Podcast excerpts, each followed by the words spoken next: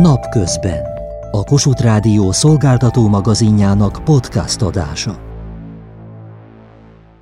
Az első tanév zajlik a Brexit után Nagy-Britanniában, de nem csak a Szigetországra van hatással a már unión kívüli élet. Az uniós diákok, az érettségire készülők, a külföldi tanulást és munkát tervezők mind kíváncsiak, hogy mi változott és mire lehet számítani. Halljunk először tehát Nagy-Britanniáról, Tóth Vali tudósít. A Brexit hatásai immár a brit egyetemeken is érzékelhetők. Az új, szigorúbb előírások miatt drámaian csökkent ugyanis az EU tagországaiból érkező diákok száma a brit felsőoktatási intézményekben. Hivatalos statisztikák szerint tavaly átlagosan már 40%-kal kevesebben jelentkeztek a Szigetország valamelyik egyetemére az Unióból, mint egy évvel korábban. 2021-ben 31.607 diák jelentkezett, közülük 16.025 jelöltet vettek fel. Ez pedig az előző évihez képest 50%-os csökkenést jelent. Az idei évben is folytatódik ez a tendencia minden jel szerint. Idén mindössze 20.820 diák jelentkezett brit egyetemre valamilyen uniós tagországból, ami a tavalyi már amúgy is mérsékelt számhoz képest is 19%-os visszaesés. Ez a tendencia az angol, skót és velszi egyetemekre is igaz. Írország az a kivétel, amelyik, ha lehet ilyet mondani, hasznot húz a brit visszaesésből, hiszen uniós tagországként továbbra is a britekénél jóval kedvezőbb feltételeket kínálhat az uniós országokból érkezőknek. Zárójelben teszem hozzá, a visszaesést csak némileg ellensúlyozta az, hogy a nem uniós országokból viszont valamelyest nőtt a jelentkezők száma. Idén 48%-kal többen jelentkeztek például az USA-ból, és Kínából és Indiából is sokan tanulnának itt. Az egyetemek persze nem örülnek ennek a szigornak, hiszen a külföldi diákok évente sok millió fontos bevételt jelentenek az adott egyetemeknek, de az egész brit gazdaságnak is. Elmaradásuk pedig sok millió font bevétel kiesést. Ez persze sajnos nem segít azokon az uniós diákokon, akik például Magyarországról szeretnének itt tanulni. A legfontosabb különbség ugyanis az, hogy bonyolultabb és drágább is brit diáknak lenni ma, mint volt a Brexit előtt. Azok, akik 2021. júliusáig megkezdték itteni tanulmányaikat, azok a Brexit előtti szabályok szerint fejezhetik be azokat, és szerezhetnek diplomát. Nekik sem vízum nem kellett, sem a tandíjuk nem különbözött a brit diákokétól. Vagyis évente maximum 9250 font tandíjat kellett fizetniük, melynek fedezésére állami diákhitelt vehettek fel. Akik viszont 2021 őszétől tanulnak valamely brit egyetemen, azoknak már diákvízumot kell igényelniük. Fizetniük kell valamennyit az egészségügyi ellátásért is, és a hazai diákokénál jóval magasabb tandíjat is kérnek tőlük, miközben lényegesen kevesebb szociális juttatást vehetnek csak igénybe. Összességében megszűnik az uniós állampolgárok kivételezett a britekével azonos helyzete, és ők is ugyanolyan úgynevezett nemzetközi diákok lesznek, mint az amerikai vagy más földrészről érkező társaik. Tótvari tudósítónkat hallották, a stúdióban pedig itt van velünk Varga Bajusz Veronika, a Tempus közalapítvány főigazgatója. Kezécsókolom, jó napot kívánok! Jó napot kívánok! Mi változott? Önök mit érzékelnek a Brexit nyomán?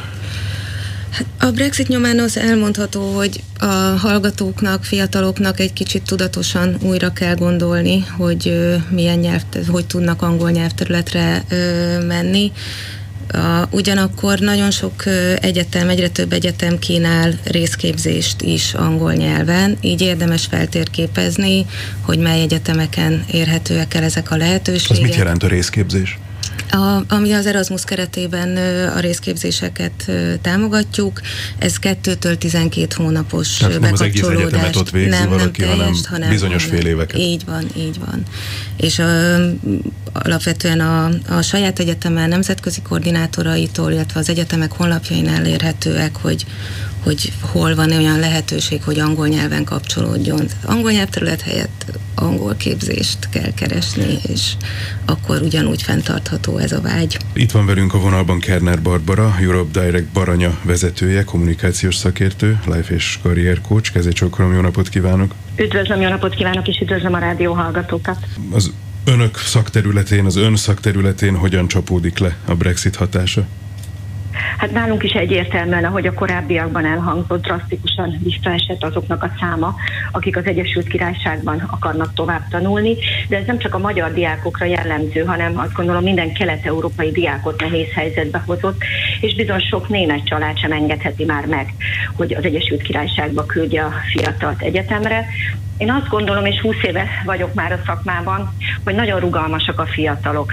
Mi már amikor megtudtuk, hogy az Egyesült Királyság ki fog lépni az Unióból, akkor mondtuk a diákoknak különböző interaktív rendezvényeken, illetve tanácsadáson, hogy próbáljanak más felé orientálódni, és rugalmasak is a diákok. Kézenfekvő ugye Írország és Málta, hiszen az angol hivatalos nyelv ezekben az országokban, és itt szeretném felhívni arra a fiatalok figyelmét, hogy az, hogy valahol ingyenes a felsőoktatás, az az, az adott ország hivatalos nyelvén történő oktatására vonatkozik, de ezzel szemben vannak olyan tagállamok, ahová mennek a fiatalok, ami tapasztalataim szerint.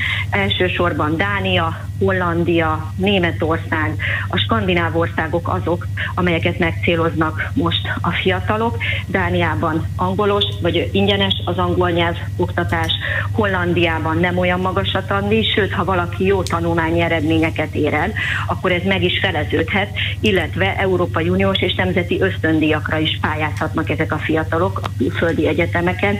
Tehát ha egy magyar diák külföldön jár egyetemre, ott is ugyanúgy jogosult arra, hogy az Erasmus plusz pályázataira tudjon jelentkezni. Finnország, Németország ugyanúgy még kedvelt cél, célpont lett. Németországban is van tíz olyan egyetem, ahol nem kell tandíjat fizetni, úgyhogy nekünk ezek a tapasztalatunk az utóbbi négy-öt évben. Arról van-e bármi jelzés, illetve hát az előbb egy fél mondatban, mintha ön is említette volna, hogy a nagy-britanniai egyetemek is keresik annak a lehetőségét, hogy ez a helyzet rendeződjön, vagy visszaálljon, vagy oda is érkezhessenek hallgatók. Erre most van-e bármi kilátás, vagy pedig ennek tulajdonképpen búcsút mondhatunk? Ugye mivel mi Európai Uniós iroda vagyunk, és már nem tagja az Egyesült Királyság az Uniónak, nem igen vannak híreink, viszont abba tudunk segíteni mind a munkavállalást, mind a tanulást fontolgatóknak. Úgyhogy teljesen megváltozott a bevándorlási rendszere az Egyesült Királyságnak, sokkal több az adminisztrációs teher, sokkal magasabbak a költségek, különböző vízumtípusok vannak, ebben tudunk segíteni. Az, hogy mi a az ottani kormány álláspontot nem tudjuk, de bízunk benne, hogy azok a kezdeményezések, amik elindultak, azok lehetővé teszik majd, hogy az Európai Uniós diákok, köztük ugye a magyarok is, vissza tudnak majd térni rövidebb, hosszabb időre ezekre az egyetemekre. Kerner Barbara a vendégünk telefonon, a Europe Direct Baranya vezetője. Itt a stúdióban pedig Varga Bajusz Veronika, a Tempus közalapítvány főigazgatója. Akkor most egy picit a Brexiten túllépve beszéljünk arról, hogy az Erasmus meg az Erasmus Plus az most mit kínál, milyen futópályázatok vannak, mibe lehet bekapcsolódni. Rendben. Ugye most indult el az Erasmus Plusnak az új ciklusa 2021-ben. Alapvetően a jól ismert korábbi pályázati típusok megmaradtak, tehát a felső oktatási hallgatók részére továbbra is részképzésben való részvételt, szakmai gyakorlatot vagy rövidtávú mobilitási lehetőségeket kínál ezekre érdemes jelentkezni. Ami az idei évben újdonság, hogy a pandémia tapasztalatait beépítve most már lehetőség van olyan hibrid formában bekapcsolódni, egy részben fizikai, részben virtuális tanulmányokat folytathatnak, illetve így valósíthatják meg a, a hallgatók a képzést. Alapvetően mi a motivációja a hallgatóknak, amikor ö, pályáznak és külföldön szeretnének tanulni? A papíra fontos, hogy egy, nekem egy külföldi egyetemről legyen papírom, vagy pedig egyáltalán a, az, hogy egy másik környezetben tudjak tanulni, kipróbáljam magam, hogy hely tudok-e állni, meg tudok-e felelni az ottani követelményeknek, szóval ilyen értelemben képesség, vagy tudás, vagy, vagy kompetencia bővítés. Alapvetően is is. Tehát én úgy, úgy látjuk, hogy mi úgy látjuk, hogy azért mind a kettő motiváló, de az, az mindenképp elmondható, hogy egy ilyen tapasztalat rengeteget ad hozzá a, a személy képességeihez, készségeihez, hiszen egy olyan helyzetben megállja magát az életben, ahol teljesen egyedül van viszonylag fiatalon, és ez a rugalmasságát, a helytállását mind-mind fejleszti, és az is a tapasztalat, hogy a munkaerőpiacon ez abszolút előnyt, előnyként értékelik, ha részt vett ilyen jellegű programban. Előbb elkezdte mondani, hogy hányféle lehetősége van annak, aki Erasmus vagy Erasmus Plus pályázatot szeretne benyújtani. Ugye három alapkategóriát említett, a részképzést, a szakmai gyakorlatot, illetve a rövid mobilitást. A részképzés az egy kettőtől legfeljebb 12 hónapig tartó képzési folyamat, kreditszerzéssel, bekapcsol, abszolút bekapcsolódással a tanulmányokba, a külföldi képzésben. A szakmai gyakorlat az pedig valamely külföldi cégnél, szervezetnél egy-három hónapig tartó szakmai gyakorlat. De alapvetően jelent. ez is tanulást jelent, és nem munkát, Igen, nem munkavállalást jelent, nem, hanem nem, tanulást. Nem, tehát ez egy, ahogy itthon is a szakmai gyakorlat, ami beleépül a, a tanulmányokba, ez is Beleépül a tanulmányokba, tehát a részképzés is? Ha Igen. hazajön, akkor az itthoni egyetem az elfogadja, vagy ez egy külön megállapodás Ez egy kérdése? külön folyamat, ahogy az egyetemekkel, ugye a kreditelismerés megy, ez, ez abszolút egyetemenként változó, ezekről is érdemes egyébként az egyetemén érdeklődni a, a hallgatónak. És a rövid mobilitás? A rövid mobilitások ezek ilyen tanulmányutak, maximum egy hónapos lehetőségek, tehát azok az az ilyen szempontból a legrövidebb. De az is egyetemistáknak szól? Oktatóknak is az a rész. És akkor ez tulajdonképpen egy ilyen, hát szétnézés a világban, Igen. hogy mit csinálnak Igen. ők, hogy Igen. csinálják, és ebből, és ebből aztán mi születik itthon. Szóval amikor kimegy valaki, és pályázatot nyújt be, és azt mondja, hogy én szeretnék kimenni egy hónapra szétnézni, ő neki utána mit kell onnan hazahoznia, vagy van-e elvárt teljesítmény, vagy beszámoló, vagy mit kell teljesíteni? Valamilyen beszámoló természetesen kell, de ez is egyetemionként változó, hogy ott, ott mit, mit vár el az adott egyetem, tehát így nem, nem standardizálható. Akkor ez azt jelenti, hogy a Tempus közalapítvány bonyolítja ezeket a, az utakat, lehetőségeket, de alapvetően az egyetem támasztja igen. a feltételeket. Mi alapvetően az egyetemekkel állunk igen szerződéses kapcsolatban, és abszolút az egyetemekkel múlik a kiválasztási folyamat, milyen előfeltétellel, általában, hogy egy éves tanulmányot már el kell végezni ahhoz, hogy jelentkezzen, és de van, ahol néznek tanulmányeredményt, van, ahol nem, tehát onnantól kezdve a kiválasztási folyamat az abszolút az egyetemeken múlik. Mi az, amire számíthat egy diák, hogyha mondjuk részképzésben akar részt venni, uh-huh. néhány hónapig kint akar tanulni az egyetemen, vagy akár egy egész fél évet el akar végezni egy kinti egyetemen, a pályázatban ő mi az, amihez hozzájut? Tehát ő, ő a tandíját fizeti a, a, az itthoni egyetem, vagy akár a, a közalapítás, a fedezi a pályázat, vagy költőpénzt is kap, vagy milyen körülmények közé kerül ott? Igen. Nincs tandíj fizetési kötelezettség, alapvetően egy, egy havi ösztöndíjat kap hozzá. Ez célországonként is változó, kb. 500-700 eurót kaphat egy hónapra, illetve most az idei évtől a Tempus Közalapítvány Kuratóriuma a döntése nyomán egy kibővült, illetve megnövekedett az esély egyenlőségi támogatás, amit lehet hozzáigényelni, és ezzel akár 800-900 euróra növekedhet a havi havi apanázs összege. És akkor ez a szállás és az étkezés és az a mindennapi megélhetés maga, fel igen, kell, hogy fedezze. kell fedezni, igen. Ismét Kerner Barbarához fordulok, hogy ha van-e olyan tapasztalatuk, hogy már egy diák kint van, most akármilyen ö, időtávra, de az egyetem mellett ő szeretne dolgozni, és akkor ezt megteheti, vagy hogyan teheti meg? Természetesen megteheti, és szoktuk is javasolni, hiszen ez is a, az önálló felnőtt élet felé elmozduló egyik lépés, hogy életszerű munkakörülmények között tapasztalat szerez, tapasztalatot szerez, nem, melleg, nem mellesleg a diplomája mellé.